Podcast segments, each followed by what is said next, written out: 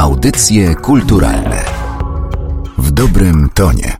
Rozmawiamy z dwiema siódmymi zespołu EABS, jak to mówią między sobą. Albo trzema ósmymi, bo jest jeszcze Sebastian, nasz konsiliere i też kreator pewnych zdarzeń w zespole, więc to jest też bardzo ważny członek. No i Marek pędzi wiatr. Witam serdecznie. Ara- Słuchacz. I instrumenty klawiszowe i ja, Wojto. Skromnie gitara. Ona sprostuje, Sebastian, bo my się mylimy w liczbach czasami. Na szczęście nie mam pytań o liczby, e, tylko o waszą najnowszą płytę Repetitions pod tytuł Letters to Krzysztof e, Komeda. Powiedzcie, jakie mieliście e, podejście kiedy zaczynaliście przygotowywać ten materiał, tak żeby ta płyta to nie był kolejny tribute to Krzysztof Komeda. My też bardziej pilnujemy muzycznych stron, a Sebastian i razem z Markiem byli osobami, które po prostu się spotkały w pierwszej instancji i dokonali wstępnej selekcji tak, y, utworów właśnie po to, żeby te utwory były unikatowe i nie pokrywały się z innymi tributami, bo tych płyt jest bardzo dużo klasycznych jakby odwzorowań muzyki Krzysztofa Komedy, a my chcieliśmy zrobić coś bardzo dla siebie. Może nie do końca dobre sformułowanie klasycznych, tylko po prostu no, było wielu jazzmenów, którzy poddali się temu kanonowi repertuaru Krzysztofa Komedy. Że jeżeli nagrywasz y, płytę z repertuarem Krzysztofa Komedy, to musi być tam Rosemary's Baby, To Moja ballada. To tak? są wspaniałe To są kompozycje. genialne kompozycje. Genialne kompozycje, ale my jesteśmy z różnych środowisk tutaj jako zespół. Paru z nas to są hip-hopowe głowy, które weszły w świat jazzowy właśnie przez e, zbieractwo płyt winylowych. No i jest takie zboczenie w świecie diggerów, czyli zbieraczy płyt winylowych, że jeżeli znajdujesz jakiś unikat, to to jest bardziej pociągające i możesz pokazać komuś, że masz to, a on tego nie ma. No i my mamy taki mental, po prostu nie mogliśmy podejść do tego inaczej. Taką mamy naturę, że lubimy drążyć, poszukać czegoś więcej, a utwory, które znaleźliśmy, myślę, że to, że nie są przebojami komedowskimi, to wcale im nie ujmuje, bo to są tak proste tematy, niosące głęboką wartość emocjonalną, że czy to jest hit, czy nie hit, to nie ma żadnego znaczenia. Komeda napisał muzykę do około 65 filmów, a większość płyt ogranicza się do muzyki z filmów Polańskiego. Mamy, skupiliśmy się na polskim filmie. Y, Mamy animację Kijowicza, film z Kolimowskiego, mamy Niekochaną.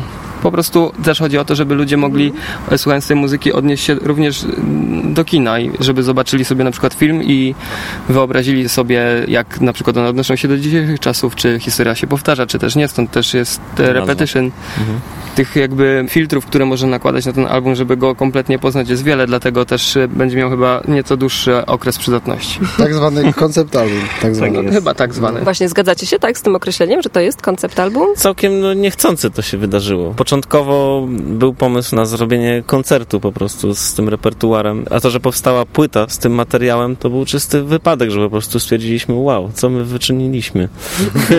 Wynikiem tego wszystkiego jest też potężny buklet. To już jest prawie książka, która jest w CD-ku i będzie też na winylu, gdzie jest kompendium wiedzy, odnośniki i też jest pieczołowicie przygotowany, więc na pewno koncept album. Pytanie o buklet. Jaka jest ta konstrukcja? Co znajdą tam, tam wewnątrz odbiorcy? Tam znajdzie się najpierw taki wstęp, który opowiada mniej więcej, dlaczego ten album nazywa się e, Repetitions właśnie, bo on się odnosi do koncepcji historycznej, do koncepcji jakiejś społecznej i do samego utworu Repetition Komedy, a potem jest e, przelot przez e, tracklistę i jest odnośnik do tego, gdzie znaleźć oryginał, w jakim kontekście on powstał. Jeżeli to był film, to o czym był ten film, z którego on jest roku, gdzie można go znaleźć. I przepraszamy też żartobliwie rzecz biorąc, że buklet jest tylko po angielsku, bo chcielibyśmy bardzo, żeby wszyscy go przeczytali, ale to by miało już 80 stron i nie zmieściłoby się po prostu fizycznie do CD-ka. A, abstrahując już od tego bukletu, sama płyta jest nastawiona bardziej na odbiorcę polskiego czy zagranicznego? na odbiorcę świata. No, tak. Tak. Tak, mówiąc serio, bo y, my też graliśmy różne rzeczy wcześniej. Też graliśmy jako zespół, który no, z wieloma artystami czasami występuje z zagranicy czy z Polski. E, przygotowaliśmy często materiały dla ludzi, którzy grają tylko z DJ-em z hip-hopowego świata, więc dla nas już ta granica została dawno pokonana i koncertowaliśmy też w Europie, więc my już po prostu się czujemy obywatelem świata i Wiemy, my to działa. robimy tak, jak my robimy. I, I nawet powiem żart, bo chyba po to jestem, że jest takie określenie polskie, że chłopcy grają e, na poziomie zbliżonym do światowego. Tak. Otóż właśnie chciałem sprostować, że takie coś nie powinno w ogóle istnieć w naszej mentalności polskiej, że jesteśmy zbliżeni do poziomu światowego. Nasze Tak. zespoły są na światowym poziomie. Jest wiele wybitnych artystów, koncertują na całym świecie i my już dawno jakby się poczuliśmy, że przynależymy do środowisk y, muzycznych wszędzie. Poza tym no, nie ma nic e, piękniejszego jak dzielenie się swoją muzyką na całym świecie. No i to jest takie nasze marzenie, także no, staramy się dążyć do tego. Jakie macie plany koncertowe? Oj, planów jest wiele. Znaczy, no, mamy na razie Na ten, na I tu- i tu się pojawiają te- Na dzień dzisiejszy. na dzień dzisiejszy, no to udało się właściwie na ostatnią chwilę dostać nam na Woodstock na przykład, gdzie właściwie no, ciężko było tam jeszcze jakiś czas temu szukać jazzu, ale my się cieszymy, że możemy trafić na przykład w środowisko punkowe też naszą muzyką. Jest też Taurun, y, nowa muzyka, gdzie też dostaliśmy zaproszenie. To jest festiwal w sumie muzyki elektronicznej. To też jest dla nas super, bo zagramy niby stricte jazzowo, no, pomieszany materiał, ale jest też trasa Giganci Jazzu. Y, To też jest nasza wielka frajda, bo tam gramy z Michałem Urbaniakiem, ale zdążyliśmy poznać naszych idoli na jednej scenie i też na backstage'u. I tu przede wszystkim też ukłony na Jana Ptaszyna Wróblewskiego, którego audycji słuchaliśmy, a który w ogóle nasz ten koncert zapowiadał przed publicznością w Teatrze Roma, więc e, no, ma- mamy szczęście w tym momencie, że Tak. takie, takie rzeczy się dzieją w związku z tym albumem i, i jeszcze wśród takich ludzi. Wspaniale było zapalić papierosa z ptaszynem. To jest, e, no, ja nie myślałem jeszcze pół roku temu, że będę miał taką okazję, a tu proszę. I jeszcze zadzwonił do mnie po tym koncercie dwa dni później, bo ja kiedyś do niego wysłałem list taki emocjonalny, na cztery strony napisałem, ale okazało się, że pan Ptaszyn już ma kłopoty ze wzrokiem i nie za bardzo może odczytać i on potem do tego wrócił, chyba żona mu odczytała i znalazł, odszukał mój numer telefonu i do mnie zadzwonił i powiedział, że koniecznie musimy się spotkać na następnym koncercie w Sopocie, żeby się kawy napić, bo on ma do nas jeszcze kilka rad, e, gdzie moglibyśmy bardziej rozwinąć skrzydła, więc no, czekam na ten Sopot, na tą kawę i na te rady, bo, bo to jest po prostu jedno wielkie marzenie. Jak wyglądał sam proces y, pracy nad płytą? No długi wybór repertuaru na pewno, bo to trwało wydaje mi się dwa miesiące, bo to było 26 godzin muzyki komedy plus cały okres postkomedowski, tych płyt było też ponad 30, tak mi się wydaje. Potem e, odrzucanie tego, co nie ma być i zostało 40 numerów. Potem zrobiliśmy z tego 12, a na płytę weszło 9. Potem e, w końcu pierwszy koncert i kilka następnych testowych. Potem wejście do studia na 3 dni i potem powiedzcie już wy.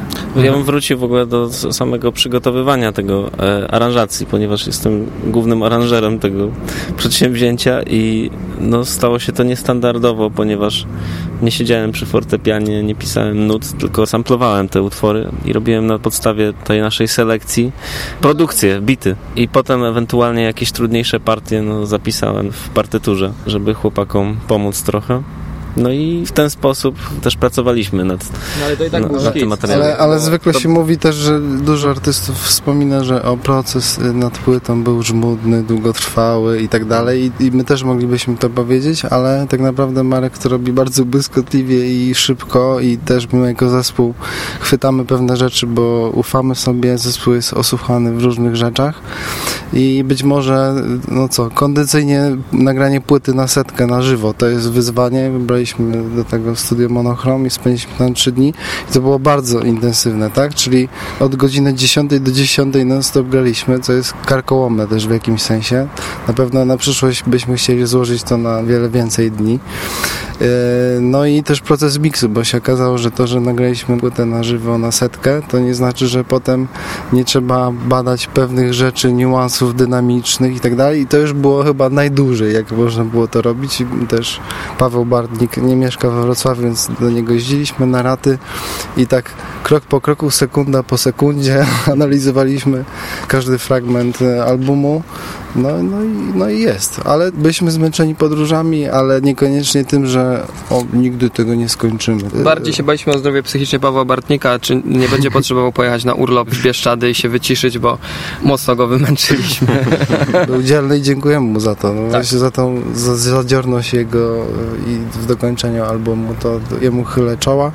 Ja bym nie wytrzymał, żaden z nas by nie wytrzymał. No i ta ciężka praca bardzo się zwraca. Tak. No i potem Ponieważ- był jeszcze mastering, ale on już poszedł dosyć szybko. Tym się zajął mm, Marcin Cichy, e, którego możecie kojarzyć e, ze Skalpela. Bo też chcieliśmy oddać to komuś, kto jakby zjadł zęby na polskim jazzie, a myślę, że Skalpel jakby w okolicach 2000 roku przywrócił do życia i przede wszystkim zrobił bardzo dużą robotę z tym, żeby swoimi albumami i nowym podejściem do tego jakby zwrócić uwagę na przykład świata na polski jazz. I wtedy jakby płyty znowu podrożały, bo Anglicy rzucili się na to, żeby szukać płyt Królewicza, Komedy i Ptaszyna i wszystkich, o których już wspomnieliśmy A wcześniej. to nasi koledzy z Wrocławia, więc w ogóle No na, najlepiej dzwonimy, podjeżdżamy, gadamy, ustalamy i jest, jest zrobione. Na koniec chcemy zagrać naszym słuchaczom y, jeden utwór z tej płyty i to jest wasz wybór. Słucham. No To będzie bardzo niesprawiedliwy wybór, dlatego że każda kompozycja ma bardzo charakterystyczne elementy i też przykuwaliśmy uwagę do tego, że z różnych światów zapożyczaliśmy, więc y, nie śmiem w ogóle cokolwiek teraz powiedzieć. Może też Która jest, najbardziej która jest reprezentatywna. standardowa. No właśnie problem polega na tym, że e, numerów jest dziewięć i każdy ma inny element i e, inspiruje się trochę innym gatunkiem, więc Obiecujecie, że nie skrócicie, Tak, masz moje słowo. to, to w takim razie wybieram wiklinowy kosz. O, ja też chciałem powiedzieć wiklinowy kosz. Wiklinowy kosz. Doskonale, to w takim razie cieszę się, że jesteście e, tutaj jednogłośni. Marek y, Pędzi Wiatr, dzięki. Dziękuję bardzo. Sebastian Jóźwiak Dziękuję uprzejmie. i Wojto. Woj, Wojto Monter. Tak, A z takim możliwym. tak. Zale- różne są wersje, ale dziękuję.